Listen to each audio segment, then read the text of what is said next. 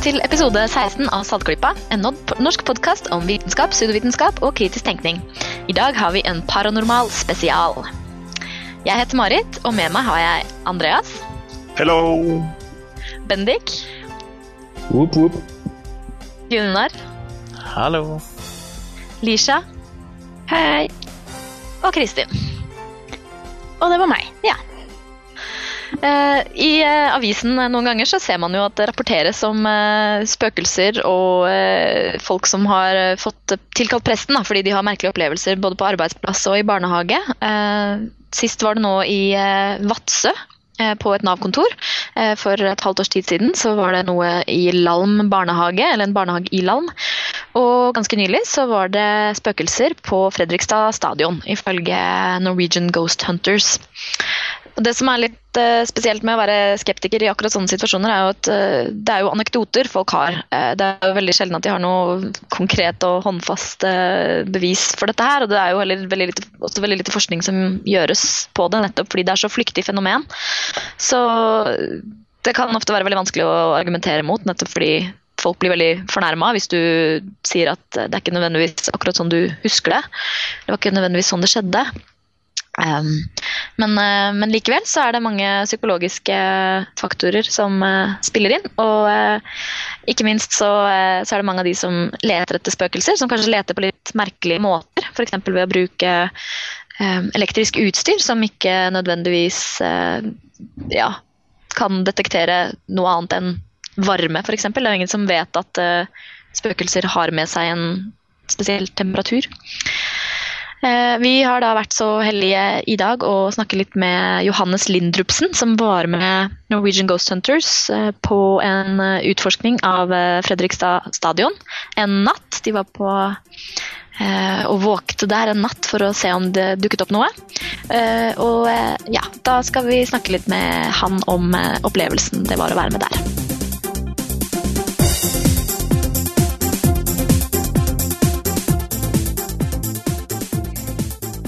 Ja, vi har fått inn en liten eh, gjest her på Saltklypa, eh, og vi skal snakke litt med Johannes Lindrupsen. Velkommen til Saltklypa, Johannes. Jo, takk for det.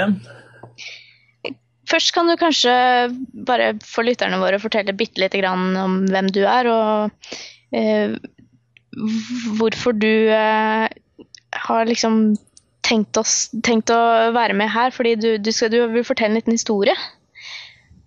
Ja, jeg kan uh, si litt uten å bruke hele kvelden. Skal jeg, si. Jeg heter jo da Johannes Lindrupsen, som sagt. Jeg er uh, 20 år gammel og bor i Fredrikstad.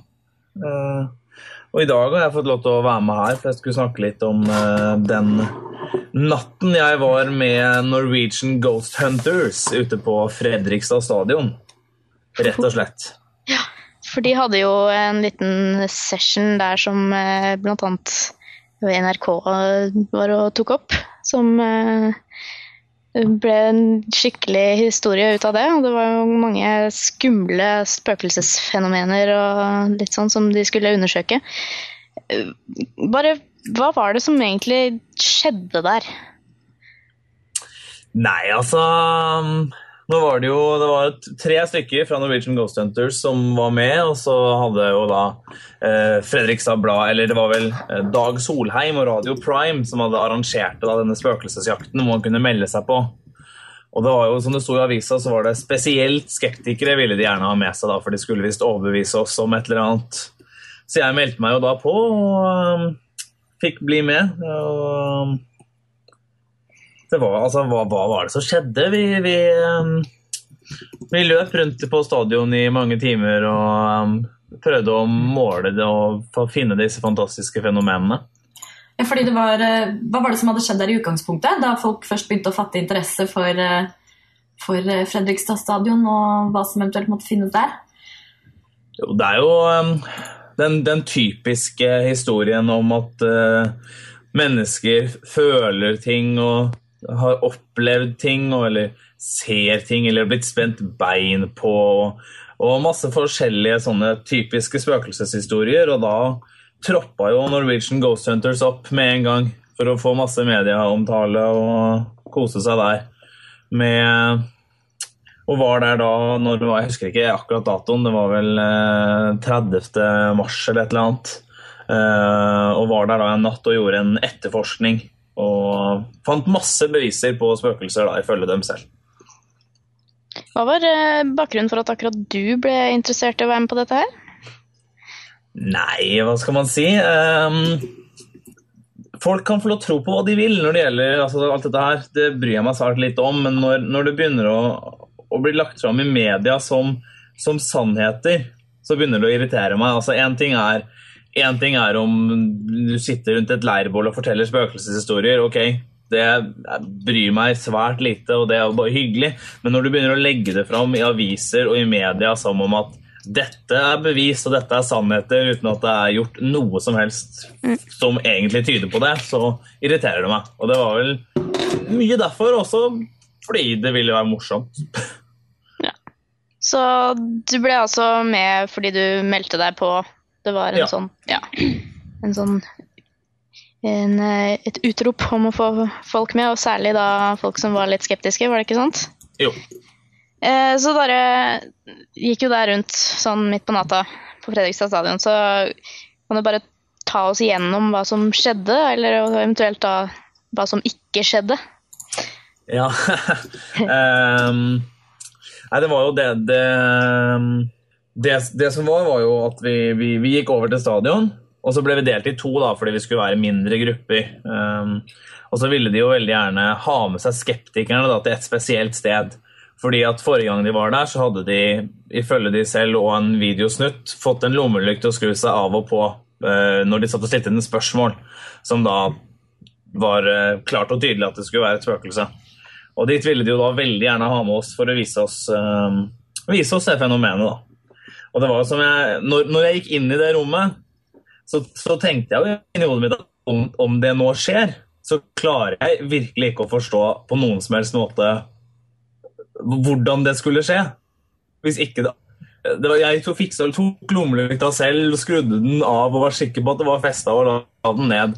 Og var litt sånn, hva skal man si, Jeg var litt sånn små eh, altså ikke redd, men det var sånn, et eller annet i meg som sa at jeg håper ikke det skjer noe, men likevel så hadde det vært veldig kult.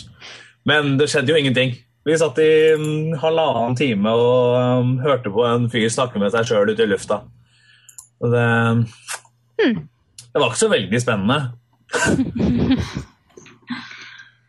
Ble det, ble det gjort noen form for uh, tester mens du var der? Annet enn, altså, jeg regner med de la fram denne lommelykta og ikke rørte på den og stilte noen spørsmål, men uh, var det noe mer de gjorde? Ja, vi har jo de klassiske EMF-målerne, da. Som eh, de er veldig glad i. Altså, de hadde jo med seg Jeg, jeg følte litt at de, at, de, at de på en måte levde etter, eh, etter at jo mer teknisk utstyr vi har med oss, jo mer seriøse blir vi tatt. For de hadde jo med seg altså, seks kofferter med forskjellig målerutstyr, men alt altså 90% av det var forskjellige typer eh, sånne elektromagnetisk feltmålere. da. Så det eneste vi egentlig gjorde, var å vifte litt på de innimellom. Og se at den gikk opp og ned, den her måleren. Ja, for, Bare for nye lyttere. eh, EMF står da for Electromagnetic Frequency. eh, og og eh, disse måleapparatene måler da ulike former for elektromagnetisk eh, stråling. Men eh, det er jo ikke egentlig sikkert at spøkelser eh, avgir noe sånt. Det har jo på en måte aldri vært stadfestet hvordan spøkelser manifesterer seg i virkeligheten, egentlig. Så kommenterte du noe sånt for dem? Spurte du dem om hva slags eh, utstyr de brukte, og hvorfor de brukte det? Og på en måte virket de som at de reflekterte over at de egentlig ikke vet hva de måler i det hele tatt? De bare, de bare måler noe som endrer seg, liksom? Ja, altså, hva, skal jeg si? Nå, vi ble delt i grupper, da, så jeg endte jo opp med kun én av de til slutt, som, var, som virka ganske Han var i hvert fall mulig å snakke med, da. Det var sånn Vi hadde en ganske grei samtale. Vi var jo ikke enige om noe som helst, men det var liksom i hvert fall mulig å snakke med han. Eh, mens de to andre virka ganske som ikke jeg snakka så mye med, altså han som var liksom sånn ledertypen, de, og han eh, som satt og stilte spørsmål ute i lufta, de virka ganske mye mer eh, som at de ville vært mye morsommere å snakke med, da. Hvis man skal si det på den måten. Men, En eh, spennende utfordring. Men det var vel ja. jeg, ehm, Nei, altså, jeg, det ble liksom ikke sånn veldig mye prat om akkurat det. Jeg, jeg, Jeg prøvde meg litt, men uh, fikk liksom ikke så mye respons. Så da var det egentlig Jeg gadd ikke å, å, lage noe kvalm heller, når liksom folk var der for å ha det gøy. Så var det liksom ikke sånn at jeg skulle ødelegge all moroa. Nei, det er vel sant, det. Men uh, det er jo på en måte alltid et dilemma for skeptikere. fordi vi vil jo på en måte være med og ikke vise at vi bare avfeier alt med en gang. Men, men samtidig så er man jo veldig frista til å på en måte Eh, være litt kjip og vise at uh, kanskje vi har noe å bidra med i forhold til uh, ja, hva de tror om ting. Men uh, jeg, jeg, ser den, altså. Mm. Men det, det, var jo, det, var jo, live radiosending da, i fire timer fra, fra, fra, stadion, og det ligger jo også ute på Radio Prime sine nettsider. Og der tror jeg jeg fikk sagt noe lurt, i hvert fall. Eh, selv om jeg, når jeg hører på det selv nå, så høres jeg litt sånn ut som en eller annen arrogant fyr som tror han vet alt. Men uh, sånn blir det jo lett. det er rart med det, altså. yes. Men uh, sånn i etterkant, føler du at du fikk noe som helst ut av det? Og, og, og, tror du at Norwegian Ghost Hunters fikk noe ut av det? Altså både det de hadde gjort fra før, og, det, og den session som dere hadde alle sammen? Nei, altså um, Det jeg fikk ut av det, var jo at det er interessant altså, å treffe uh, Alltid spennende å treffe forskjellige typer mennesker. Uh, og, um, og de, altså, som jeg tenkte at altså, Jeg hadde regna med at de skulle være ganske mye mer far out og um, Ja Sånn som altså, Jeg hadde regna med at de skulle være ganske mye mer sprø enn de var. Altså, om, om det ga noen mening. Det var litt sånn, det var i hvert fall spesielt han som vi endte opp med. Da, så var det um, det var liksom helt ok. Var, de var vanlige mennesker. Det hadde jeg jo ikke regna med noe annet likevel. Nå høres jeg skikkelig ille ut, men uh, De var mennesker, de også! Nei, men altså, det er uh, det var jo det var, det var en spennende og interessant opplevelse, sånn, selv om ikke det skjedde noe som helst. og det var, jo, det var jo veldig, Vi hadde jo med oss en litt synsk dame og alt mulig rart. så det var... Litt eh, synsk, faktisk. Det ja, det var... Ja. Men det mest det typiske da var det at så fort For vi bytta litt plass. For det var liksom to forskjellige steder. Det var liksom ute på det fotballmuseet, og så var det på andre sida så var det på stadion. da. Mm. Og når, Så fort vi gikk tilbake til fotballmuseet, og de andre gikk over til stadion, så opplevde jo de masse. ja. Det er, sånn, det er dumt, altså. Oi, det var jo sjokkerende. Ja. Men jeg regner ikke med at altså, også, De har lagt ut en video på Facebook da, med den utrolige lyden de hører. Og på det sekundet han ba meg høre, eneste lyden som er der, er isbitmaskinen. Um, vi, vi, gikk nemlig bort dit etterpå, uh, gruppa mi, og satt der i tre kvarter. Uh, og prøvde å få, få det, disse, disse, lydfenomenene som de, de, de, mener at de plukker opp på disse radiosenderne. Eh, skjedde jo ingenting da heller, logisk nok, men, eh, men da hørte vi da denne isbitmaskinen, og den, den uh, lagde så mye forskjellige lyder at det kunne høres ut som at den kom fra veldig mange forskjellige steder, og at, lagde, at det var veldig mye forskjellig. Så um, de nekta jo for at det var det, alle som var der. Men uh, ut fra den videoen så er det jo veldig vanskelig å tro noe annet. Så du, Egentlig så løste du et lite mysterium der, du da, men de var ikke med på det? Nei, og jeg har truffet, noen, jeg har truffet to av de som var med på den gruppa også i ettertid. Og de var fortsatt helt sikre på at ikke det var isbitmaskinen. Selv om de var veldig skeptiske til alt annet. Mm, så det mm. Men sånn er, altså, det er måte, sånn er det jo når man sitter i mørket og venter på at det skal skje noe. Ja, det er klart så er det jo liksom ikke så rart. Ja, jeg har gjort sånn selv jeg, en gang. Men Du nevnte at det hadde vært med en synsk dame. Hva, hva prøvde hun å oppnå? Og hvordan gikk det?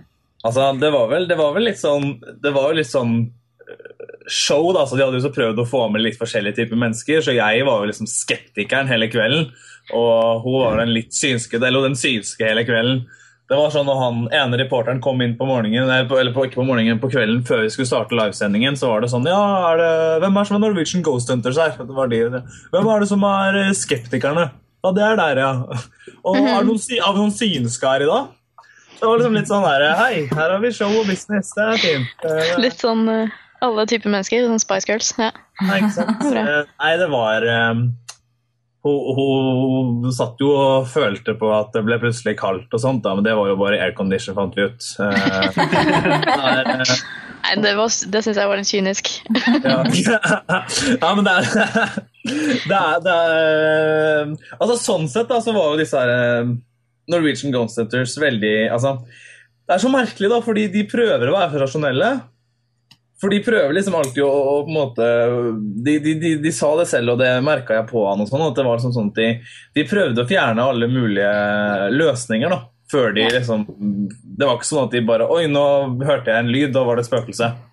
De prøvde liksom, de prøvde mer enn det, men så er det et eller annet med at de, de stoler på disse eh, elektroniske duppedingsene som ikke gjør noen ting. Og, og de, ja, de mener å ha, ha, definisjonen på et spøkelse klar eller på ja. forhånd? på en måte, ja. Ja, det er litt, det er litt, litt, litt det, og, og, det er veldig morsomt fordi at Spesielt altså, f.eks. disse EMF-målerne. så var det han, Jeg hadde med meg en kamerat også, og han, eh, han gikk inn på nettsidene til de som solgte de, og de ble jo solgt for å finne spøkelser. Ja. Uh, og disse radio, den her radiosenderen nå var en sånn spøkelsesstemmeopptaker. uh, så det var liksom sånn Nei, det er, det er, det er, um, det er merkelige greier. Mm. Har du i uh, lokalmiljøet der nede hørt noen etterdønninger etter uh, dette her, eller har alt bare dødd ut etter den radiosendingen? Ja, jeg vet ikke hvor mange det var som hørte på den radiosendinga heller, i og med at den gikk fra klokka var 11 på kvelden til klokka var 3 på natta. Eh, på natt til 1. mai. Eh, jeg tror kanskje ganske mange mennesker gjorde andre ting. Eh, men jeg har vel egentlig ikke hørt noen ting om, om det. Det er, det er sånn typisk sånn mediating at hei, her skjer det noe, vi lager noen saker om det, og så glemmer vi det etterpå. Men er det folk i lokalmiljøet, er det venner av deg sånn, som på en måte har fulgt med på det eller vært interessert i det? Føler du liksom at det er noe som folk tenker på? Ja, i hvert fall, uh, i hvert fall sånn når jeg snakker om det med folk. Mm. Det jo, jeg har jo mange venner som syns det er morsomt, og, og sånn, så jeg har jo, jeg har jo blitt litt liksom sånn, sånn, men det er jo ikke noe, ikke noe mer enn det. Jeg bare lurer på hva du oppfatter som eh, motivasjonen til denne gjengen, altså disse Ghost Hunters. Er det at de oppriktig tror på dette à la Fox Mulder, eller er det at de vil gjøre seg interessante på et vis de finner liksom en nisje her i mediebildet som de kan utnytte? Hva følte du der? De, de tror absolutt på det. Absolutt. De er, altså han, han som starta det opp øh, Han, han øh, han ble, han ble han, uh, Hvis jeg husker riktig, han sa han ble interessert i det fordi uh, Det var noen av vennene hans som, som, som fortalte om, om, at man kunne altså, Hva var det for noe? Han, han hadde, når han var litt yngre, så, eller, så hadde noen av vennene hans fortalt ham at man kunne jakte på spøkelser. da. Og det hadde han aldri tenkt. Han hadde liksom aldri tenkt på spøkelser egentlig før det. Men så ble han jo kjempeinteressert. Altså, de bruker jo helt latterlig mye penger på det. For de tar jo seg ikke betalt for noe som helst. De gjør jo mm. alt frivillig. Og de har jo sikkert altså, de har kameraer og utstyr til sikkert liksom 200 000-300 000. Så de er liksom, og de bruker jo masse av fritida si. Så det er, de er oppriktig talt interesserte i, i, å undersøke det, eller i hvert fall finne ut av det. da. Det er jo veldig bra. Jeg kjenner jo at jeg, jeg, har jo egentlig veldig lyst til å være med på mye sånt selv, men for meg så har det på en måte min spøkelsesinteresse og, og interessen for Lårnaturlig tatt en litt annen form. Ja, ikke sant? Så, så, jeg har på en måte ikke kapasitet til å begynne å Ja. Fordi det som er, er på en måte for å, for å, få gjort en veldig god undersøkelse, så er du jo nødt til å være der en stund. ikke sant? Mm. Nettopp for å på en måte høre alle disse merkelige lydene, og mm. samtidig ha anledning til å undersøke dem. Absolutt. Eh, så ja, Men eh, det er jo fantastisk at de eh, gidder, da. Det, bare, det har kanskje vært spennende å snakke litt med de også, om hva slags metoder jo, de bruker. Ja, du tok jo litt opptak av seansen også, gjorde du ikke det? Jo, jeg filma vel en tre-fire timer eller sånt. Har jeg vel uh, filma. Du har noen planer for det? Ja, jeg prøver å skulle putte sammen en liten, eh, liten hva skal man kalle det, dokumentar eller filmsnutt. Bare av fordi jeg syns det er gøy. Når jeg først har filma noe, så er det morsomt å putte det sammen til noe. Mm, absolutt. Så bra. Så hvis du da får eh, Hvis det viser seg at du får uh, laget en liten sånn dokumentar om dette her, kommer du er det noe spesielt sted du kommer til å legge det ut? Har du noen hjemmeside, eller eh, blir det på YouTube, eller? Så langt, jeg, så, så langt, har jeg vel ikke tenkt det ennå, men det blir vel helt sikkert eh, dumpa opp på YouTube. Det er det enkleste. Ja. Men da kommer vi helt sikkert til å få vite det. Så kan vi linke til det når den kommer. Absolutt.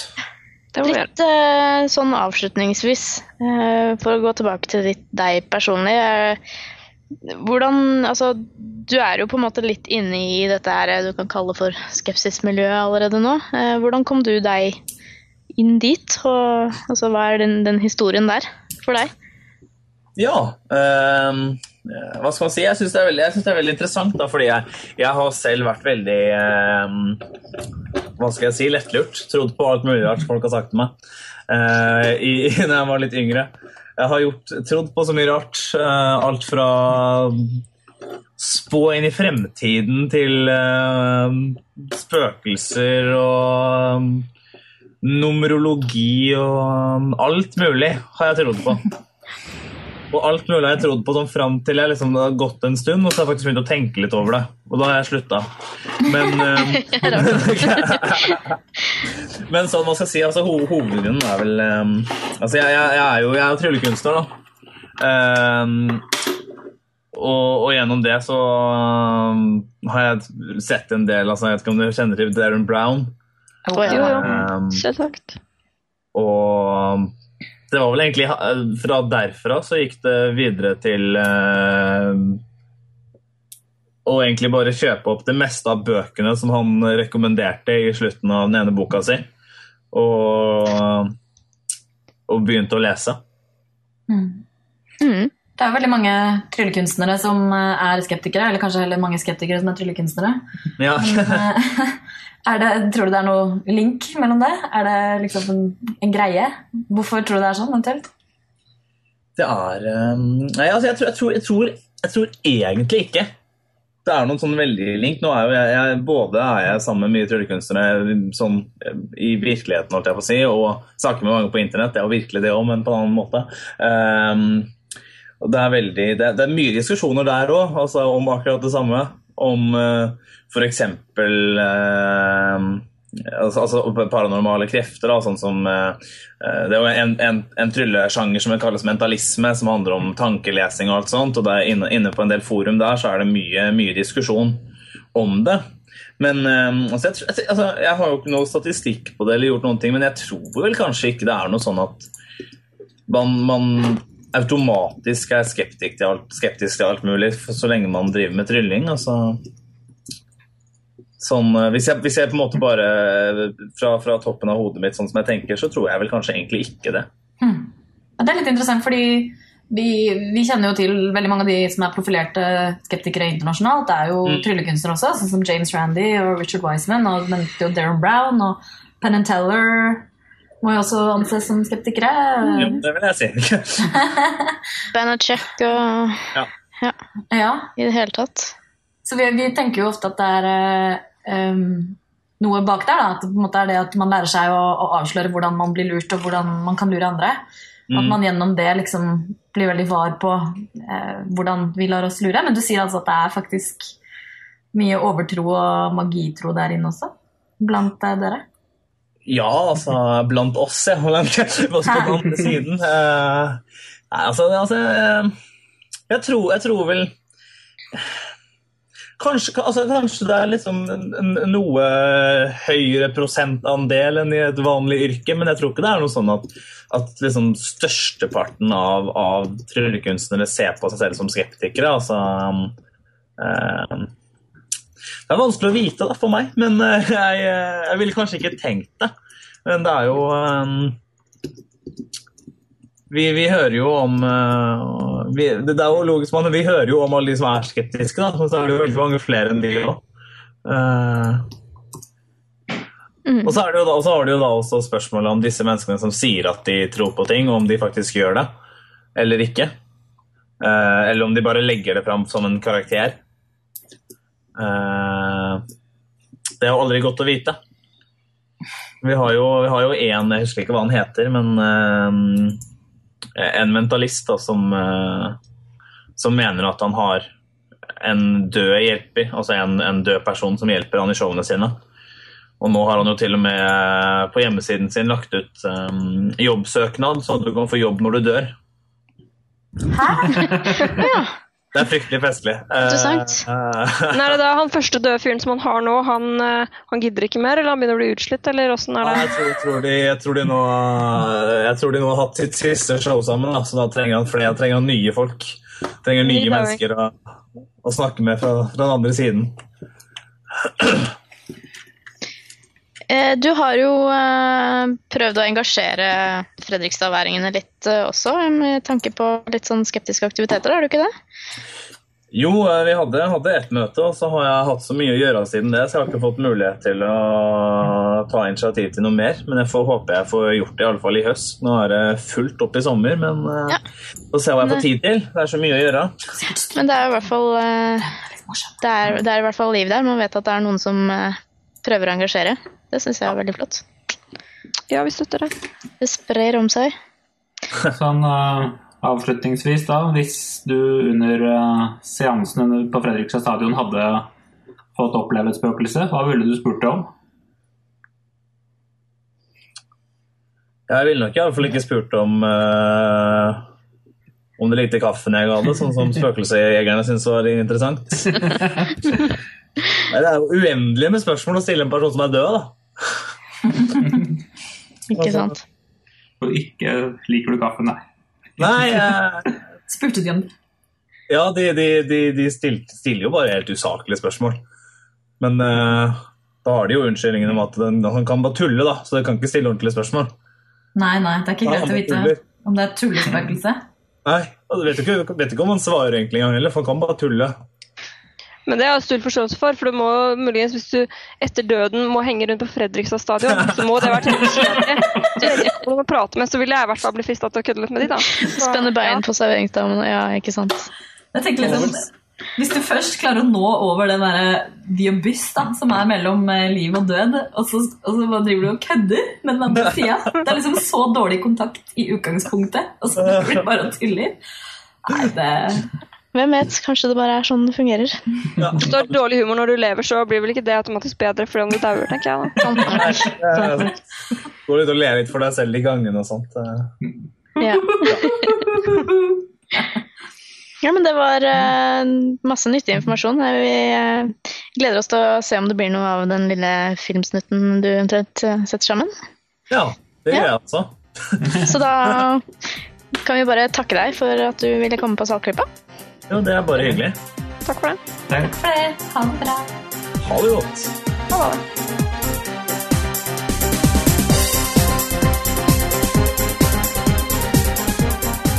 Da takker vi Johannes igjen for at han delte de erfaringene med oss.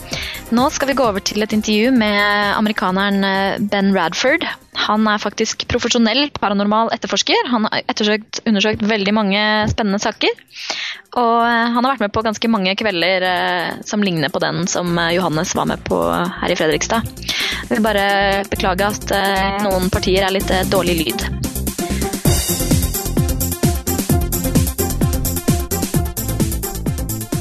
Ja, da sitter vi her med Ben Radford.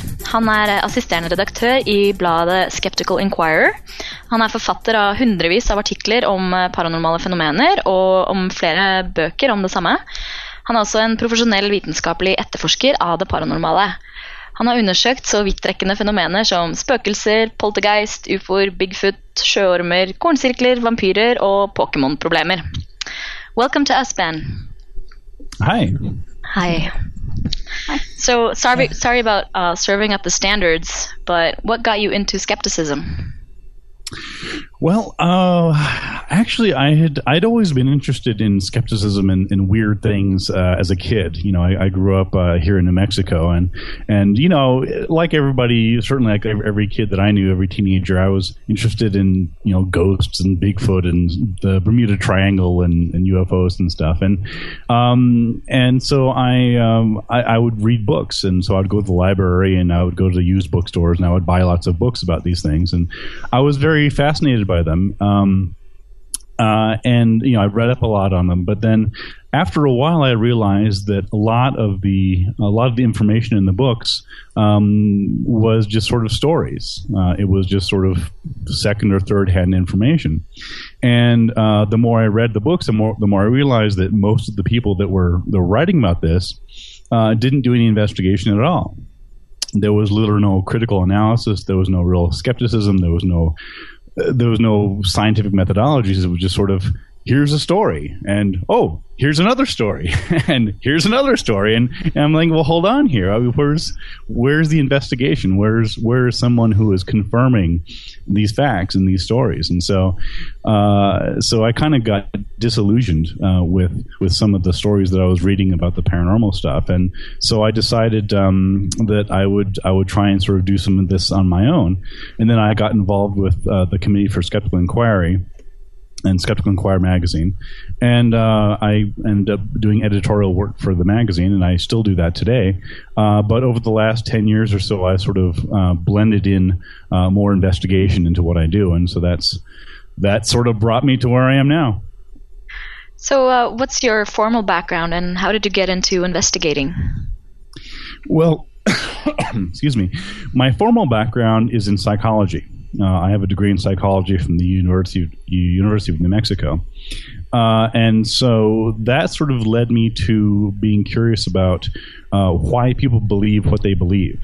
Uh, so, uh, you, you, know, whether the subject is ghosts or UFOs or psychic powers, you know, they're, you know, people's individual beliefs in, uh, have a lot to do with with with their worldviews. And so what you find is that, um, you know, people will believe on little or no evidence if they have a reason to believe, or if, if their if their mother told them this, or if their their friends know this. And so I sort of you know came to it from a, a psychological point of view, saying, well, why why do we believe the things that we believe, and especially things that uh, for which there's not good hard evidence. Um, you know, I mean, I can I can believe that my cat is warm and furry because I see her every day and she's warm and furry. But if someone says, "Well, you know, there's a Bigfoot out there," um, you know, why do I believe my cat is warm and furry, but I don't necessarily believe in Bigfoot? You know, what what are the differing standards of evidence? And so that's sort of how how I brought with that. Um, and then in terms of the investigations, uh, I, I, began doing some of them on my own and also with uh, my colleague Joe Nickell, who's the senior research fellow at CSI and at the Committee for Skeptical Inquiry. And um, so he and I would do a couple of investigations as well because uh, we both had a common interest in these things. Uh, it wasn't just sort of theoretical and abstract, it was very real. And so I saw him doing his investigations, and I sort of said, well, hell, I, I think I could do this. And so I, I sort of began doing some of my own. Uh, and one of my one of my first big investigations was into the the Pokemon uh, panic, uh, which was uh, some of you may remember or not, but in, in 1997 there was a a big uh, panic in Tokyo, Japan because uh, tens of thousands of kids, depending on who you talk to, uh, had seizures from watching the cartoon Pokemon, and this was a big a big mystery for several years. And then I ended up uh, investigating that and, and, and, solving the case. But so that was that was one of my one of my first big cases. How about um, telling us a little bit more about what happened there? Because that's really interesting. I remember that from from when I was young. The panic that broke out there. yeah, it, was a really interesting case. Um, basically, in a nutshell, there were uh, there were thousands of kids in Japan, in, in, Tokyo, and not just in Tokyo, but certainly around Japan as well, and not just kids. Uh, at the time, you have to remember that Pokemon, even though it's thought of today as being you know sort of a, a kids' cartoon, it was very popular among adults as well. So you had a very very popular um, phenomena, cultural phenomena uh, that again it was around the world at that point, but primarily in Japan. And people had seen uh, this one particular episode. Um, uh, it's episode 13, I think it was, uh, and it had it featured this little this little sort of rat-like yellow figure thing called a Pikachu. And uh, as part of its attacks, it, it has this, this, flashing. It's a technique called Paka Paka in anime. And um, and uh, what happened was on this one particular evening, uh, uh, supposedly tens of thousands or certainly thousands of kids uh, went into seizures. They they had they had you know foaming at the mouth and they had headaches and and some of them were vomiting and some of them passed out and just a, a collection of, of very strange uh, responses to this this one particular sequence in this cartoon and um, it became a national outcry. I mean, immediately I'm like, oh my god, oh my god, you know what the hell's going on here? and uh, you know, you know, hundreds of kids went to the hospital, and uh, it be, you know became international news where people are saying, "How is it possible that this cartoon is is making our kids sick?" Um, and one of the explanations was that it was uh, something called photosensitive epilepsy, and that's that's a it's a medical condition where people have uh, who have a predisposition to epilepsy uh, can actually have seizures by flashing lights. So, for example, if you're if you're in a nightclub and there's a strobe light uh, or a concert, a music concert, for example, that might that might in some in some rare instances induce an epileptic seizure. Uh, and so I began by looking at uh, the what the doctors were thinking, what their explanations were, and the problem with that explanation was that uh, when I looked into it, the the incidence, you know, the the rate of photosensitive epilepsy was far too small in Japan uh, and elsewhere to account for this. Uh, there's you know they're just it's just not that common a disease uh, so you might expect a few a few kids to do that but not certainly not hundreds and, and not thousands and so uh, I sort of tackled that from a from a medical as, as sort of a medical mystery uh, and then I sort of added my own added my own knowledge of mass hysteria, which is actually what the case sort of turned out to be. So it was uh, it was an interesting case, partly because uh, at the time that I began investigating it in 2000, um, nobody had really solved the case, uh, that, and that was what, what intrigued me about it. Uh, there were, you know, I'm I'm not a PhD medical doctor, you know, I'm not a medical doctor at all, and I've never claimed to be. Uh, and so, you know, when I when I began looking into it, I wondered, well there's all these doctors that looked into it. What what did they miss? You know, why is this still a mystery? Uh, and so it turned out that uh, the correct explanation had had something to do with the the, the medical uh, the medical side of things, but it also had an element of mass hysteria to it, and that was sort of the key that ended up um, solving the case. In fact, I, I, wrote that up for a medical journal, the the uh, the Southern Medical Journal, in, in 2001. So, uh, mainly, uh, we're going to talk a bit about your book called Scientific Paranormal Investigation How to Solve Unexplained Mysteries. Uh, here in Norway, for example, there is this group called uh, Norwegian Ghost Hunters who recently were at the supposedly haunted stadium, a football stadium, uh, together with a local radio station, uh, and they were investigating, you know, the usual stuff. So I kind of feel like we have an extra reason to talk to you today. And uh, actually, uh, Leisha has a local story from Oslo as well. Maybe we can get some professional input on that story, Leisha. Yeah, this is uh, something that is uh, it's, it's supposedly haunting uh, the Akershus fortress and castle, which is a fortress complex in uh, the center of Oslo, dating from 1299 when they started construction, and it has uh, a lot of various buildings and walls uh, from the th- 13th century, sorry, 14th, mm-hmm. and up until 17th, 18th. And it's been used by the army. We've had uh, administrative residences there, royal residences. A king of ours was born there. So a lot of historical things have happened. And supposedly, the story goes that uh, when one of the very, very thick walls was put up, uh, one of the masons had a dog, which was, of course, a large black dog and it was for some reason with the masons uh, inside the wall. They were for some reason there was a hollow there, and they were. I don't know. That may have been something to do with future defense or whatever. But uh, what supposedly happens is the dog gets lost inside the wall somehow and can't find its way out, and they call it, and it doesn't come, and eventually they have to brick that section of wall shut without bringing the dog out. So, of course, the dog dies a horrible death, starving to death alone in the dark. And now, I'm not sure when this was, but a number of centuries ago, like maybe 17th century or 16th.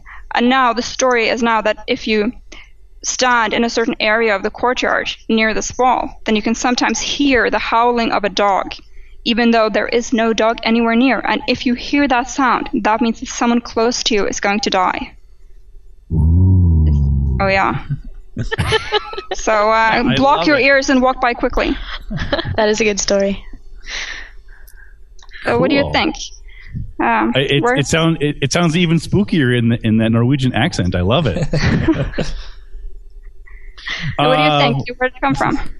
Yeah, well, that's that's that's a great story. I uh, th- there's a couple of things that jump out at me right away. Uh, one of them is that the story contains, as as you would expect, um, some pretty clear folklore motifs. One of them, of course, being the black dog. Uh, you know, there there are certain animals that are supposedly especially mysterious or you know mysterious, especially strange. Uh, black dogs are, are, are fairly well known. Black cats, of course, are associated with witchcraft. Uh, black crows, ravens, for example, Edgar Allan Poe. Uh, you know, whereas other animals like you know uh, you know, black uh, black snakes or black giraffes, or you know, there are other animals that don't really have that, that associated ominous, you know, scary side to it. So it's interesting that the, the story involves a black dog specifically. Um, certainly, there there are black dog stories, um, well, all all around uh, the world, but um, particularly in Europe, as I understand it, there's a big tradition of that. The second thing that jumps out at me is. Um, is the, uh, the, the premature burial uh, idea uh, that you know again that, people will, you know, were, were entombed uh, unfairly or unjustly or accidentally, and they, as you said, they they died a horrible death of you know starvation and isolation and and you know suffocation. Um, and again, this gets back to to Gothic stories. Edgar Allan Poe um, uh, wrote about that in several cases, uh, several of his, his short stories. Um, so it's it's a it's a classic story of you know sort of involving uh, various part bits and pieces from from you know from well known uh, folklore. Um, one thing that you know, if I were going to investigate it, I mean, there were there would be a couple of questions. One of them would be. Um, uh, you know, number one, number one would be: Do people take it seriously? Is this is this just sort of a, a cute, you know, local folklore story that no one really believes, or are there people that really say, no, seriously, you know, on, I on heard it, and my father died. Exactly. Yeah. I mean, how how how could that not be? Um, and so uh, so that would be one question is because that's that's sort of one of the first things I look at when I'm doing investigations is um, is yeah, again is this is this sort of a cutesy story that no one truly believes or is it something that people are like no seriously dude this happened to me um, and so and of course the, when you have the um, when you have the added element of a, a portent of death, um, again with, with you know ravens calling names and and uh, if you hear dogs howling that you know someone close to you will die. Um, again, you have this interesting sort of cause and effect. You have this bridge between the the unknown and the mysterious and the supernatural and our our very human lives. You know, it's it's this isn't just some theoretical you know bad spooky thing. It's you know if you hear this if you physically hear this and you're walking by here someone you know is going to die. Um, so it makes it much more personal i think in many ways much much more scary.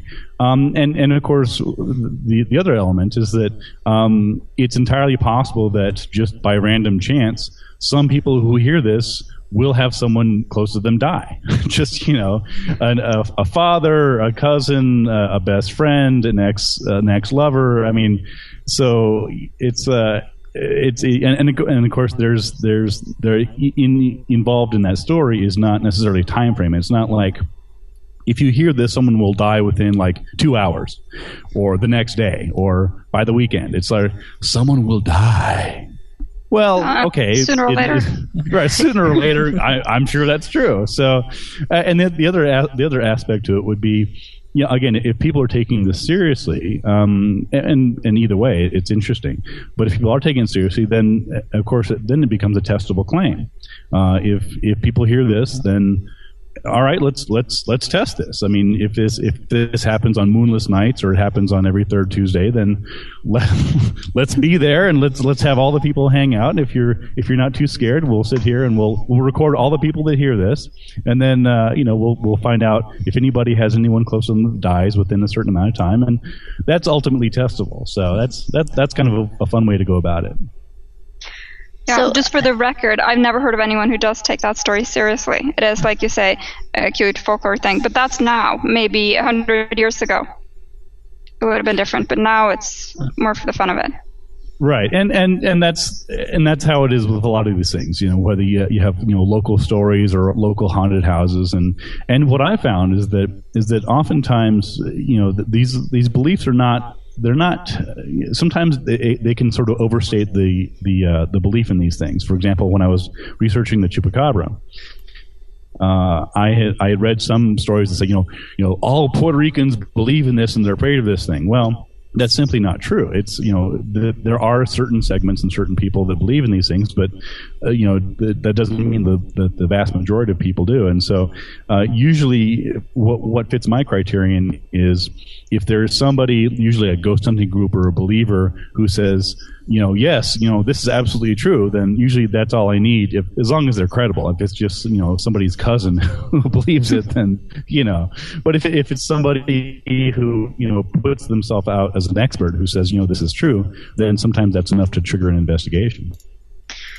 Um, and yeah, so we already mentioned one uh, Norwegian story, and uh, as we mentioned, there's been another um, I don't know, prominent ghost here lately. There's been this uh, TV ghost hunting team that's been investigating um, a ghost that's supposedly been at a football stadium in uh, Fredrikstad.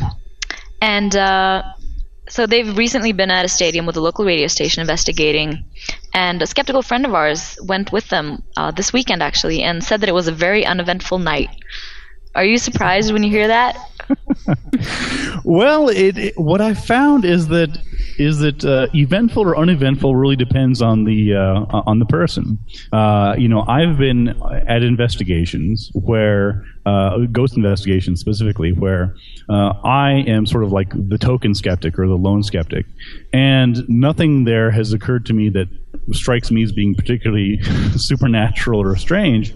Whereas I've uh, you know, whereas I've had other people who who who are believers who genuinely are certain that there are ghosts there, and um, and they will they will experience the same things I do, but they they interpret it very differently. So, you know, if, if, if I'm in an area with a ghost hunter, uh, and you know, if they hear you know a knock on the wall, or you know if they hear somebody fart or whatever they're like oh my god it's a ghost. I'm like that's not a ghost. So it's uh, it, doesn't surprise me that that a, a skeptic and a, and a believer might come to have somewhat different interpretations of what what's considered to be uh, eventful or interesting.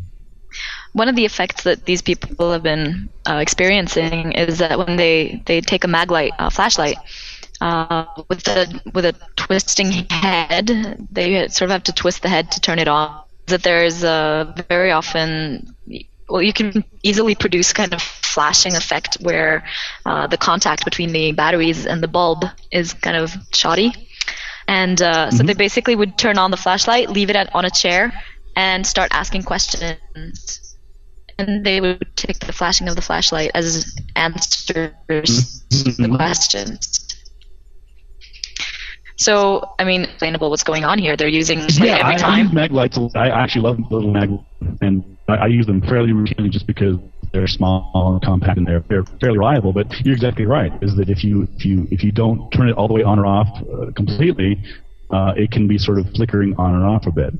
Um, and essentially, what, what a lot of these people do, a lot of these ghost hunters, is uh, what we would call anomaly hunting, and that's basically looking for anything weird. Um, you know, they they'll put up a candle, uh, they'll light a candle in darkness, and they'll stare at it for minutes or hours, or however long they want to stare at it, and they'll ask questions, and they'll say, you know, if there's a spirit here you know, can you move the candle or can you make it pop or can you do whatever?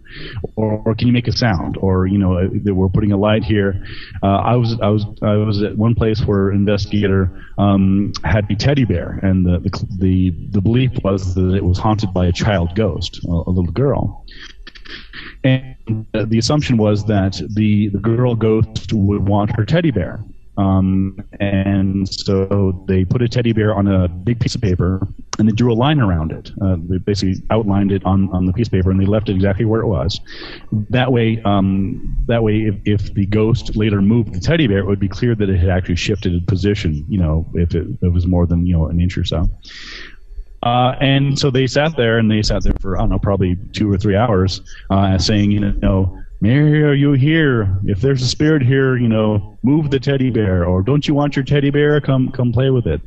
Um, and you know, ultimately, nothing happened. I mean, the, the, the teddy bear didn't, you know, burst into flames or fly around the room or anything interesting. Uh, so that's that. That's usually again, the, in my investigations, I I try to avoid that because, um, in my opinion, uh, anomaly hunting is not a very productive or useful technique because if you're just if you're just communicating with a ghost or something unseen and saying, "Can you give us a sign?" Well, what the hell is a sign? A sign can be anything. It could be a temperature change. It could be a sound. It could be a smell. It could be it could be anything. And so, um, what you, if you're going to go about that, and, and again, I, I, personally don't do that in my investigation because I don't, I don't think it's useful. But if you're going to do that, you need to say, give me a specific sign. That is, you know, I want to hear the Beatles, or you know, make this make this you know flashlight jump up in the air, or something that that's not uh, something that's not ambiguous. And unfortunately, they they they uh, they rarely do that. So, um, what kind of questions would you ask a ghost if you sort of had one on the line? Well, see, there you go. A, great question. Uh, I would ask questions that only the ghost would know. Uh, and again, this this gets back to some of the some of the the bad the bad investigation that you often see, particularly on TV and with amateur ghost hunters. Um, they spend their time saying, you know, is there someone here? Are you a boy? yeah. Are you a girl? Do you are you happy that we're here? Are you not happy that we're here? And just on and on and on, these, these sorts of yes or no questions. And and if they hear a knock or a tap or anything weird, then they interpret that. Oh my God, did you hear that? It was like, it's like well, it, it was a car next door, you know. And so that that sort of that sort of questioning the ghost uh, it's it, it's just silly. It's it's not productive and it's it's it's it just leads to to uh, to false information. And so if i if i was if i was contacting a ghost i would ask it for what is your name? Uh, wh- where did you die? Um, where is your body buried? Uh, i mean let's take for example Natalee Holloway the, the famous woman that just appeared in, in Aruba, uh, that may or may not have been killed by um, by uh, by van der Sloot. Um, you know, if if if I had a chance to contact Natalee Holloway's ghost, I would say, "What happened to you? Where are you? Where's your body buried? Who was involved here?" I mean, th- there are so many unsolved crimes and so many homicides and other things like that that could be solved if if we can actually communicate with ghosts and if ghosts can, can give valid, accurate information. Um, and yet that doesn't happen. So if I were talking to a ghost, I'd be saying, "Give me something specific. Don't don't just you know give me a nudge if you're male. you know, no, they'll give me some murmur. Uh, you can do better than that." Do you think that an investigator has a, uh, or most of the investigators that you have uh, encountered, have a preconceived idea of the validity of uh, what they're trying to prove, as in they're already, let's say, believers in ghosts wanting to prove their position, or are they mostly true skeptics wanting to investigate to see if there's anything to this at all? Uh, another great question. I, I think that uh, most of them are, in my experience, them are believers. Um, they or evidence. Um, and when I do my investigations, I'm not looking for evidence of ghosts. I'm looking for evidence of what's going on. If the answer is it's a ghost, then that's fine. That's okay. Well, I'll go there. If the answer is it's not a ghost, then then you know then I'll I'll pursue the investigation that way. But if you if you go into an investigation assuming that you have the answer, and trying to prove one way or the other, trying to debunk it or trying to prove that it's a ghost, whatever else. Um, that that's not that's not useful, and that's not going to that's not going to get you anywhere because uh, what essentially you're doing is you're cherry picking evidence, and you're looking for evidence that supports your your, your claim. So if you go into an area and you, you if you are sure there's a ghost there, you believe there's a ghost there, then uh, then you're essentially trying to gather you know gather evidence that supports your theory. Uh, and that's that's in my opinion and in my experience that's what most ghost hunters do. Uh, again they're not they're not going there in there um, trying to understand what's going on. They're going in there trying to prove a point. And I, I don't think that's a that's a, a valid or scientific or useful way to go about it. Since you are often the uh, token skeptic on, uh, for example, a, a ghost hunting TV show, uh, they will, I suppose, they will probably ask you, "Well, Mr. Skeptic, can you explain this? Can you explain this?" Have you ever not been able to explain some of the things that they are experiencing? Uh, it, it it kind of depends. Uh, the when you're doing TV shows, it, it's kind of a it's a different beast because uh, with TV shows, of course, they want um, they want entertainment. They want something that's visual. They want something that's immediate. They want something that looks good on TV and that's you know interesting and, and all that. Uh, and usually, usually I, I mean, I, I, I will go on TV shows and I've done it, but I prefer not to. I prefer to do my investigations on my own time, uh, and and you know, leading where it goes. And so, you know, when I do investigations, some of my investigations take a couple hours. Some of them take um, a year or more. I mean, my my chupacabra investigation took five years, and of course, you know, no TV crew is gonna is gonna sit around for five years while you're while you're piecing it together. So. Um, so I think that there there's two different things here. The first one is doing sort of what, what I would call TV investigations, uh, which is sort of you know doing a couple experiments for a producer or for the camera, trying to do my best to bring some science and skepticism to it. And then the other would be real investigations, which again can, can you know it's not interesting. It's it's uh, I mean it's interesting to me, but it's not it's not TV interesting. You know, researching people and interviewing people and doing archive research, that that doesn't really go anywhere. So, uh, I mean, it, it, it, goes somewhere, but it doesn't it, it doesn't make good TV, and so oftentimes they're not, they're not interested in that. Um, so you know, there there's been a couple times when I've been talking to a producer, for example, who will say, "Well, here's our plan." We'll we'll bring in some some psychic ghost hunters, and uh, they'll walk around this this room or this mansion or this this scary place, and um, and you can be right behind them. And when they give their impressions about the ghosts that they're experiencing and they're talking to, you can try and explain it. And I said, this is not going to work because I know exactly what's going to happen is that uh, you know if, if if they go into a room and they say I'm sensing a spirit in that corner and his name is Bill and he died in the 1800s how do I test that? How do I prove that or disprove that? I okay all right. What, what, what do you want me to do? I, I can't say no, you're not experiencing something. Uh, I can't say no, you're not talking to a ghost. Um, and so a lot of times uh, the the TV producers don't don't really have any real grasp of science or investigation uh, or you know how to do a real investigation. They just want you know, hey, we'll have these people say this, and we'll have the skeptics say that, and, and that's the end of it. So, so it, like to to get back to your question, you know, that would be a case of where you know, could I strictly speaking explain it? Well, no, I can't explain it. There's nothing to explain.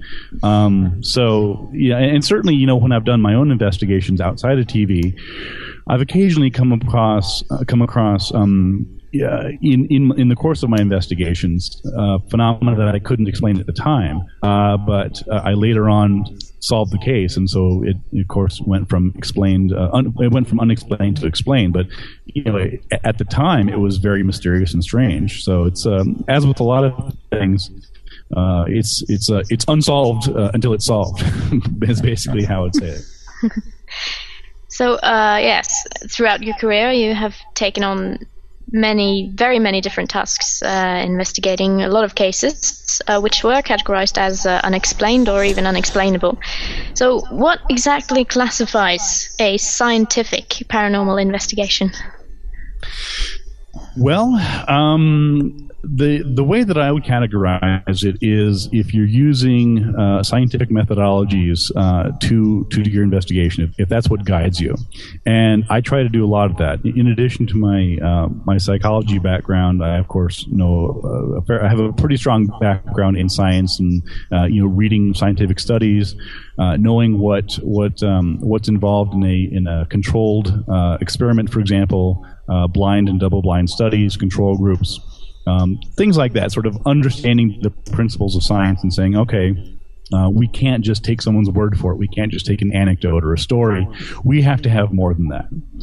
And so uh, when I when I do my investigations, and that's you know that's why I titled my, my last book uh, "Scientific Paranormal Investigation" was because I wanted to be clear that that you can you can bring uh, science and scientific methodologies to all claims, whether it's claims about politics or claims about um, the the unknown or the paranormal. Uh, these are not outside the realm of science. These are these are still testable claims, and so so that's that's sort of how I, I go about it. And the, the, the parallels that I draw are um, same basic methodologies that I use in my investigations are essentially the same that, for example, a, um, a homicide detective would use if you're trying to solve a crime or trying to solve a murder.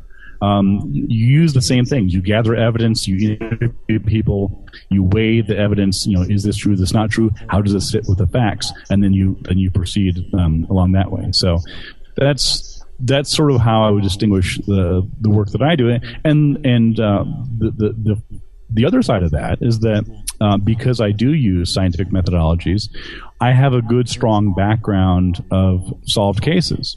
Uh, you know, it, a lot of them appear in, in my books and articles and, and, magazines and elsewhere, where you know it's it's not just I didn't just do an investigation and at the end it's like, well, I don't know, um, you know, I looked for a ghost and uh, I have this one photo that's kind of weird. And you know, a friend of mine says she got a weird feeling in this hallway, and there you go. Uh, no, my my cases, the, the ones that I investigate, are pretty well solved cases. The, the the mystery is solved at the end of the at the end of the story. You understand what you know what what was going on, um, and and you know and what led to the mystery. Whereas uh, almost all the time uh, with non-scientific investigations, uh, particularly ones you see, for example, on TV with the ghost hunters and all that, um, every now and then they'll solve a case, but but very rarely, much more often, it's ambiguous. There's there's no real resolution. There's no real answer at the end of it. So that's I think that's one thing that that uh, that part of that is as a result of using science uh, for that. Uh, speaking of uh, that TV show, The Ghost Hunters, um, I'm guessing that you wouldn't call their approach scientific, perhaps, but they do claim to have a scientific approach. Uh, could you tell about what's wrong with that? Because I know they use like measuring devices and things to try and find evidence of ghosts or other paranormal activities, but they're sort of starting with the assumption that, say, a ghost can be detected on an electromagnetic measuring line, but isn't that backwards? Like first prove the ghost and then measure it to see that it radiates any electromagnetic anything, as opposed to just measuring electromagnetic anything and then deduce inducing from that that there is a ghost. What do you say about that? Yeah, you, are exactly right. I mean, that's you, have you've, you've hit the nail on the head with, with why their methodologies are, are pseudoscience. Um, in fact, in, in my book, I, I devote a whole chapter uh, to them. In chapter four, I, I think the title is um, "How Not to Investigate the Paranormal." I, I, wrote it. I wrote it directly as a as a as, a, as an answer to the, the, the Ghost Hunters TV shows uh, and and their ilk because uh, you know I would watch these things and I don't. I, I, to be honest, I haven't watched too many of them just because I I throw things at the TV and I yell. it's not it's not healthy for me. Um, and but it, it, it's just so stupid. But I figured, well, I couldn't just dismiss it because if I if I ignored it, which is essentially what most skeptics had done uh, previously. I mean, I was to best to the best of my knowledge, I was one of the first skeptics to take it seriously, to take their to take their method seriously, and, and take close critical analysis and say, this is what they're doing, and this is, is exactly uh, and to be honest, I wish that either myself or another skeptic had done that years ago because the TV show has now been on for, I think, six or seven seasons. So it's been around for a long time. And uh, I was kind of waiting for someone else to do it. Nobody else did it, so I ended up doing it. Um, but, but yeah, and so I, I spend a lot of time uh, in the book talking about exactly that problem because, um, because again, the, their they're they're they're not using science. They're going about this, even though they claim to be doing science and claim to be going about this in a scientific way. It's clear that they have no real understanding of what science is. They they don't they don't have a good grasp of of why anecdotes aren't aren't evidence, for example. And so, and the same thing goes with their their gadgets. You know, their EMF detectors and these things where you know, the if if you're going to use an EMF detector, you know, something that that uh, that detects electromagnetic fields, then that's fine. But you need to establish some some rationale, some basis. Uh, what what in logic is called a warrant. You need to establish some reason to think that that that that whatever you're measuring has something to do with ghosts, and um, and they haven't done that. And part of the reason I think is that it's not interesting. It's not the they don't want to take the time to do it right. Uh, they're more interested in, and same thing with amateur ghost hunters, probably all around the world, is uh, you know understanding what an electromagnetic field detector does is not terribly interesting. It's not as much fun as going to a cemetery or going to some dark, spooky mansion with with mag lights and cameras and flashlights, uh, you know, calling out, asking ghost questions. It's just it's just not as much fun. Um, and I get that, but but again, my my purpose is not to, you know, I have fun. it's not it's not that I don't have fun. It's just that my fun is is using science and you know, sort of bring bringing a more scientific perspective to it. And and frankly, I wish the ghost hunters would would do more of that. So you've already mentioned some of the common mistakes that um, ghost hunters make. Uh, are there a lot of differences in the way that different phenomena are investigated, and the mistakes Uh, that they make, sort of? Well, yeah. I mean, it's uh, there. There's what you find is that a lot of the amateur ghost hunter groups uh, were directly influenced by the the Ghost Hunters TV show. Um, uh, that's, I mean, that's over and over and over again when I've talked to uh, paranormal investigators and ghost hunters specifically. Um, there, when I ask them, you know, I, I understand this is what you're doing. Why do you do that? Why do you use this gadget? Why do you why do you use this device? Why are you going about it this way? Almost always their answer is, well, it's on TV. and, and I usually just let them let that sink in for like, really? This is you, your answer is because it's on TV. Really? Okay. Just just so we're clear, you know, do you realize just how stupid that sounds? Because it does to me. And so, um, so what you find is that there's there's a variety of, of uh, there's sort of like the there's one main body of, of techniques again that were that were uh, that were primarily promoted um, through the the Ghost Hunters TV show, but then uh, each individual group uh, sometimes tweaks it. For example, they'll they'll use psychics, they'll, they'll use Ouija boards, they'll, they'll use dowsing rods or pendulums or things like that. Whereas other groups will say, no, no, no, that's that's completely unscientific. So they'll so they they won't. It's like we are scientific because we don't use psychics. And and so and I, I've talked to people like, well, so you you're you you you are you were like ultra scientific because you don't use psychics, and yet there's a Ouija board there, and you have a you have a demonologist on staff to to to deal with the dark arts of demonology. So that just so I understand, so that makes it scientific, right? yeah. Um, I'm assuming that there are a lot of, I mean, since you've been investigating such different topics, uh, there must be a lot of similarities to the way that the paranormal investigations um, are done and sort of the, the underlying factors. Do you uh, do you think that most people want to believe these kind of things? I I think so. It's kind of hard to gauge because uh, there is uh, there's overlap where you know some people some people are just interested in ghosts because ghosts are cool. Ghosts are interesting. You know, ghosts have been around since Shakespeare and before that. Um, you know, so so it's important to to make a distinction between the average person who is just interested in ghosts and thinks they're interesting and likes ghost stories and movies about ghosts and whatever else, and then on the other end of the spectrum, there's people who who are who want to investigate ghosts, who are like, you know, yeah, I'll, I know that a lot of it is just folklore and it's stories and it's myth, but I, I want to find out the truth about this. I want to actually do real investigations, uh, however they interpret real investigations, I should add. Um, so so there, there's actually quite a broad spectrum of people's you know varying interests in, in whatever in, in you know different aspects to it, and so. I think that uh, ultimately, you know, people people like to believe in, in ghosts uh, and, and spirits. In fact, it's it's it's probably the most common belief in the entire world. I mean, if you look at the spectrum of uh, paranormal or, or unexplained phenomena, everything from Bigfoot to crop circles to psychic powers, whatever else, ghosts are the are the most common. Um, you know, all every culture in the world uh, essentially has some belief in ghosts in some form, and part of the reason is that uh, is that there's it's part of a broader spectrum of beliefs. So if you believe in ghosts, that has implications for for the afterlife. It has implications for reincarnation, for life after death, for for things like that. And so, um, and and also, of course, many religions uh, either implicitly or explicitly or explicitly talk about ghosts. And so, so I think that for if you're going to talk about of all the paranormal beliefs in the world, ghosts are probably the most. Um, I don't want to say hardwired in the brain, but I would say they're they're probably the most likely one for people to believe in. Uh, and again, because it's it's not just abstract. You know, the Loch Ness monster is abstract. Uh, crop circles are abstract. UFOs are especially abstract.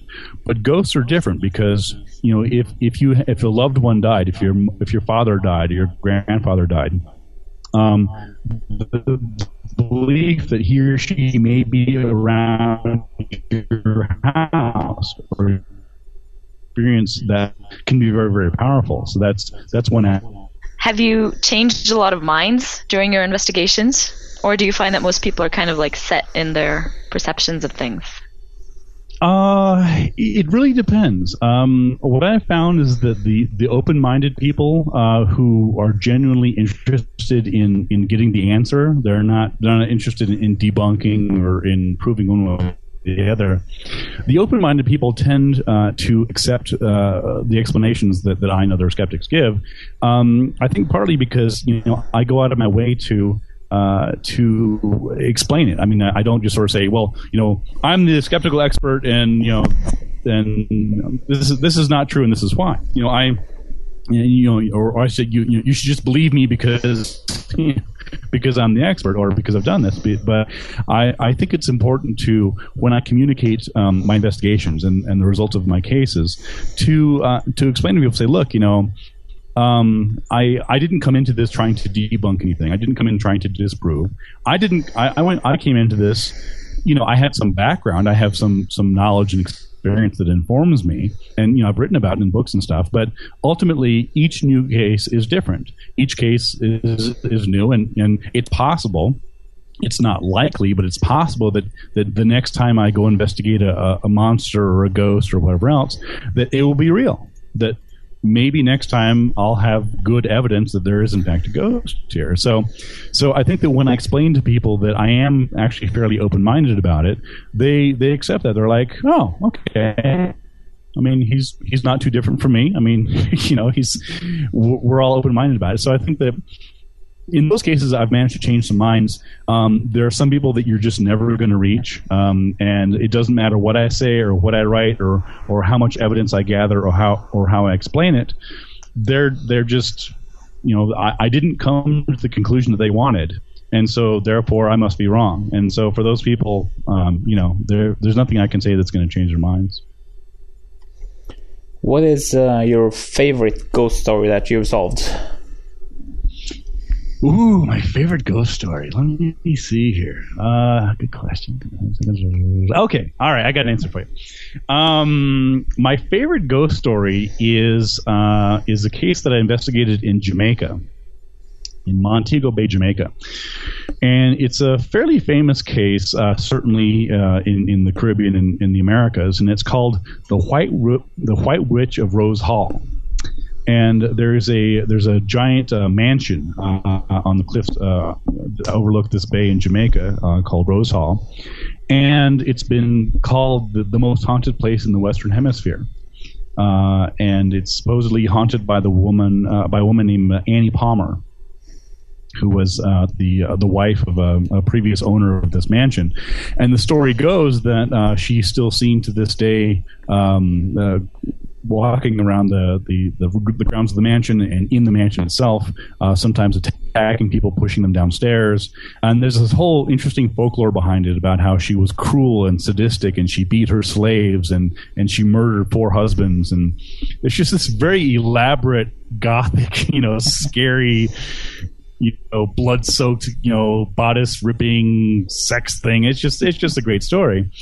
Um, and uh, I ended up uh, uh investigating that on a, on a trip to Jamaica sort of a side trip. I was actually there on a vacation. I figured, well, what the hell? There's a famous haunted house here. Let me let me spend some time at it. And so I ended up solving the case, and it's actually one of the one of the uh, chapters in my book, um, Scientific Paranormal Investigation. But uh, that that's probably one of my favorites, just because um, it was it was such a well known case, and it, it, has so much folklore to it and stories behind it.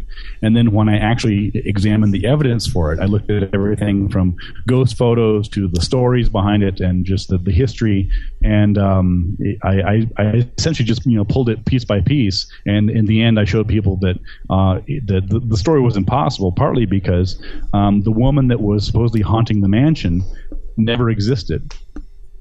so she she was actually a, she was actually a fictional character, and and yet you had you had psychics and ghost hunters who were saying, "Oh, I I I I'm getting I'm getting information from from Annie Palmer, and she says this and she says that, and oh my God! And then I later said, yeah, um, th- this person that was never real, and so therefore can't have a ghost, unless you're going to tell me that you know you you talked to the ghost of Superman. Um, then then this is yeah. So anyway, that that's probably one of my favorite cases. It doesn't really take long for a ghost story to let's say manifest in a community, isn't? It? I think it was in uh, Richard Wiseman's latest book, Paranormality, which he mentioned an experiment where they planted stories of a ghost, and it took like only a year or two before it was a part of their local folklore in that area. That's exactly right. I mean, it takes it takes little or nothing to create uh, to create paranormal stories. I mean, it's the same thing with with lake monsters. Um, all that is needed to create a lake monster is someone seeing something weird in the lake. That's it. you don't need anything more than some drunk guy saw something weird in the lake, and oh my god, we suddenly have a monster. Um, and yeah, I mean, to, to, be fair, I mean many of the many of the most famous lake monsters have stories behind them, like Ogopogo and in Canada, and, and Loch Ness monster and Champ and otherwise. But strictly speaking, uh, it takes almost nothing to create a mystery. Uh, you know, a weird light in the sky, um, something weird in, in the woods. Uh, you know, something if you're in a dark uh, dark house and you see something out of the corner of your eye, uh, suddenly that's yeah. a ghost. So it's uh, it's quite true.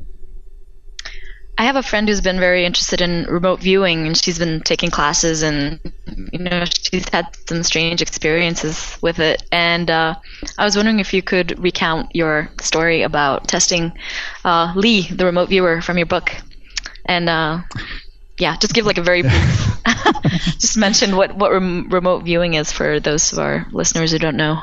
Sure, sure. Uh, yeah, that that was actually one of the another interesting case that I did. Um, and it, again, it's, it's, in the book there.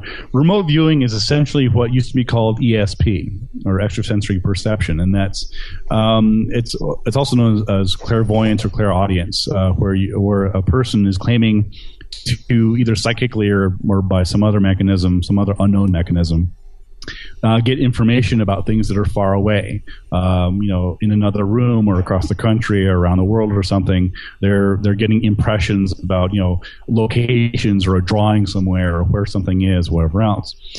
And uh, remote viewing has been around for again for for several decades. Uh, remote viewing is is again it's sort of a it's an updated, spruced up version of, of ESP, and um, and I did a uh, I did a, an investigation with a remote viewer uh, a couple years back where I was contacted by a guy named Lee.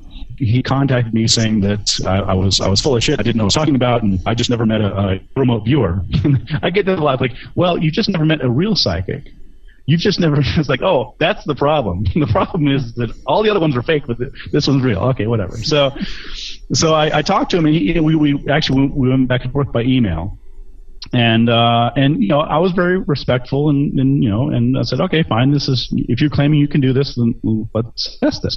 And uh, and I, I won't have time to go into the whole story because it's it's kind of a long story. It's in the book. But basically we set a series of tests in which uh, he said that he could he could correctly identify uh, objects that were on my on my dining room table in my in my house, uh, and he could he could he could you know, I think he was in California or Texas or somewhere, but you know he certainly didn't know me. He'd never been to my house, but he claimed that he could using his remote viewing abilities uh, describe things uh, in my own house. And thinking, well, this is interesting. All right, I'll let's go. Let, let us test this. And so I set up a test, and we did uh, three. Uh, we did three different tests, and each time uh, had a six or seven digit number on a piece of tape and put it on, attach it to the object that I wanted him to to remote view. And uh, he he uh, we did this again three times, and um, he failed each time and by the third time, uh, he he just kind of gave up, and he's like, "Well, you know that, that he said that he said that I he said he said that I'm I'm psychic, and that I just didn't recognize it, and that if I if I were more in tune with my abilities, then then I could also remote view. Uh, and w- it was interesting because when I when I analyzed, when I went back and, and tried to figure out why did he think that he could do this, I, uh, I, I realized, and, and through, again through talking to him, and also through this one website that he, he uses to to test his remote view, is that he was he was basically doing uh, descriptions instead of uh, identifications.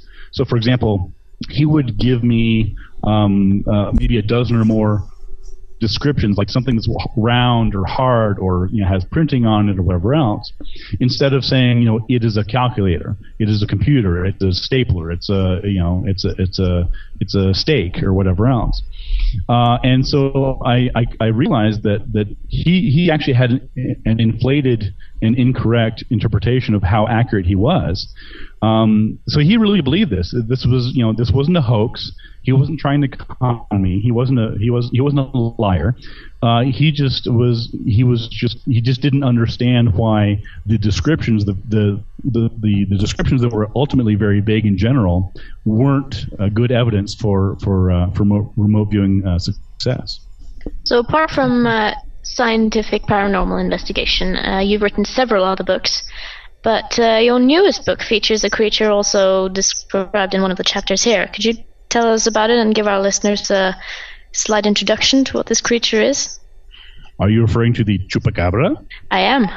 Ooh, the chupacabra. Yes. Well, the chupacabra is um, it's the world's third best known monster after Bigfoot and the Loch Ness monster, and it's also the world's second best known vampire after Dracula and uh, it's uh, it's supposedly it actually comes in a couple different forms, but main forms are a sort of um, a bipedal, you know, humanoid figure with uh, spikes going down the back and uh, red or black alien type eyes, uh, long arms and legs. Uh, that, that, sucks the blood out of goats. It's it's called chupacabra because chupacabra means goat sucker in Spanish. and uh, so it, it, sucks goats. So there you go. Uh, it, not just goats; it also sucks uh, cats and dogs and, and sheep and and um, other things like that, other livestock. Uh, and th- this this particular version of the chupacabra emerged around 1995 in Puerto Rico, uh, and then that was seen for a few years and reported here and there and. And oftentimes, um, it, it wasn't necessarily seen, but it was assumed to have been there because farmers and other people would find dead animals that seemed to have been drained of blood by a vampire. They would find, for example, uh, a goat that had two puncture wounds on its neck, and it, it was otherwise uneaten. I mean, it wasn't it wasn't eaten, it wasn't torn to shreds. It was just essentially, you know, dead from a puncture wound to the neck, and they assumed that there must have been a vampire there, and so uh, so that that that's the main form. The second form that emerged was sort of a like a dog-like creature, like a hairless dog or coyote, uh, and those appeared uh, in Texas and elsewhere. Uh, starting in the mid 2000s, and so when I investigated it, uh, I did a couple things. One, I went to uh, I went to Cuero, Texas, where the most famous chupacabra was found in 2007 for a TV show called Monster Quest. So I went there. I also went to Puerto Rico. I traveled there and I interviewed uh, the most famous eyewitness uh, to a chupacabra in history, a woman Madeline Tolentino. I interviewed her and other eyewitnesses to the chupacabra as well. And I also went to Nicaragua, in Central America, and I uh, spent a little under a week uh, actually in the jungles uh, looking for the chupacabra, and I hired a tracker, and I was trying to find uh, do some field research for the chupacabra. So um, after after five years of research, I ended up what I believe to be uh, solving the mystery, and so that was kind of a kind of a kind of a nice cap to uh, all, all my research on there. Do you have a favorite unsolved mystery story? an unsolved mystery story. Uh, you mean like one one that I haven't yet investigated, but I'd like to at some point? Sure, sure. Hmm. Wow, that's a good one. Um, I don't know. I, I've I've actually been pretty. I've been. I've been pretty uh, pretty successful in, in sort of picking my own my own uh, my own cases and trying to solve. I, w- I would say I would say the um, one of the ones that I've always wanted to go investigate is uh, what's called the Coral Castle in Florida, and it's this uh, large. It's like a this stonework um, of this. It's not really literally a castle, but it's this sort of large, you know, blocky house that's made out of uh, coral um, the, the, kind that you, you find in coral reefs. And uh, it was created by this guy named uh, Edward Leedskalnin, and he was a he was an immigrant, and he created this thing I think in the in the early part of, of the last century.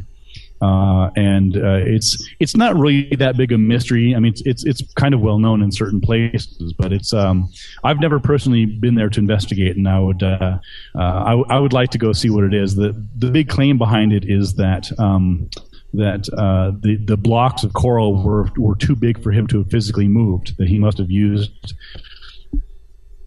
unknown powers or UFOs or levitation or take your pick in order to make the to make this. So that's uh, that's one case that uh, I, again I don't I don't think it's one of the world's great mysteries, but it's it's one that I've I've never really gotten around to doing so far.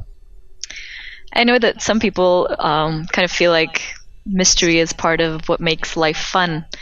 Do people ever accuse you of sort of tearing down the mysteries of our world, and, and do they get mad at you for that, for being so curious and trying to find out things? On occasion, I mean, I I uh, I occasionally get people saying, "Oh, you know, you you you you don't make it so fun," and you know, I I don't think that I take take away the mystery at all. In fact, I think that I think that using science to to uh, to reveal these these mysteries and uncover these things uh, is far more interesting than than um, than the mysteries themselves. You know, it's like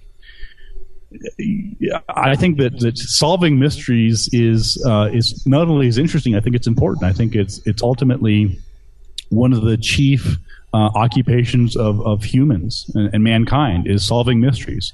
Um, whether that mystery is how diseases are spread, or that mystery is you know how do we create uh, new forms of, of energy, or whether that mystery is the Bermuda Triangle or the Chupacabra. I think that ultimately one of mankind's highest purposes is to is to find solutions to things uh, and to find solutions to problems and, and, solve things that we we don't yet understand. Uh, whether that again, whether that you know you can look at in in physics, in technology, in medicine, or in the paranormal. So um, I I, I, don't buy the, the idea that um, that solving mysteries takes away from the magic of the world. I think that if anything, it enhances it because it helps us understand the world around us. So, um, and, and, frankly, the, the people who the people who aren't satisfied with the world around us, I think I, I, I honestly feel kind of sad for them because I find the world beautiful and amazing and inspirational, and I I want to know as much about this world as I can before I die. And uh, so that's that's one of the things that really drives me is I, I want to know things. I want to find out things. Um, and to to to say that well, you know, it takes away some of the mystery. I um I don't see that at all. I don't think uh, any of us disagrees with that completely. Yeah. Um, so if any of our listeners want to find uh, out more about you and your investigations and to get your books, uh, can you tell them where to go? Sure, I'll, I'll tell your listeners where to go. I've done that before. Um, I would say the, uh, the, the the best place at the moment is uh, radfordbooks.com. That's R A D F O R D books.com. Although in the next month or so, I, I think I'm going to have a brand spanking new website called um, BenjaminRadford.com, which is easy for me to remember because that's that's my name. Um, and that has lists of uh, all my books. Uh, you can also, go, of course, go to Google and you'll uh, Google and Amazon.com. You'll find some of my stories. Um, my most recent book is called Tracking the Chupacabra, and that's actually available on Kindle. Uh, actually, in the last week or so, uh, I think one or two of my other books uh, are also available on Kindle. My scientific paranormal investigation book is not. Um, it is available Oh, yes, on it is. Amazon. Is it? I, I, have it on my Kindle, yes. Well, shit. Just then there you go. Then. Yeah, yeah, yeah. Yeah, I stand corrected. I'm, Yeah. I'm glad someone's paying attention because I'm Yeah. sure as hell not. So yes, uh, I there you go. Uh, yes, uh, my books are on Kindle and uh, all all the important ones anyway. And yeah, I, I do uh, columns for Discovery News and Live Science, and um, yeah, I, I give talks, of course, here and there at uh, skeptics conferences such as TAM and Dragon Con, uh, and uh, every now and then I, I do uh, book tours and um, still solve mysteries, and I'm always happy to. Um, to talk to skeptics and people. I also, of course, do the um, uh, the podcast um, Monster Talk with uh, with Blake Smith and Karen Yeah, that's a good one. which is a monthly podcast. Yeah, thank you. So we, we do some of that as well. So I'm I'm here, I'm everywhere. So you know, I, I can and try to spread some skepticism out there. Well, then I'll, I think we'll try to limit your omnipresence for now. And just uh, thank you so much I for your appreciate time, and good luck with solving more mysteries. Well, thank you. It's been delightful talking to you guys. I, this is this has really been fun, and I uh, I'm glad that there's a the skeptics uh, groups are getting some traction up in up in Norway and up in uh, in that area. So uh, that's great. Hope to see some, some of you guys. Okay. Thank Okay. you. Okay. Thank you so much. Thank you.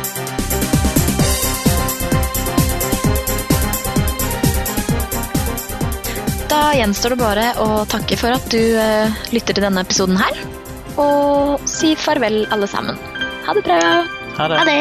Ha det. Farvel.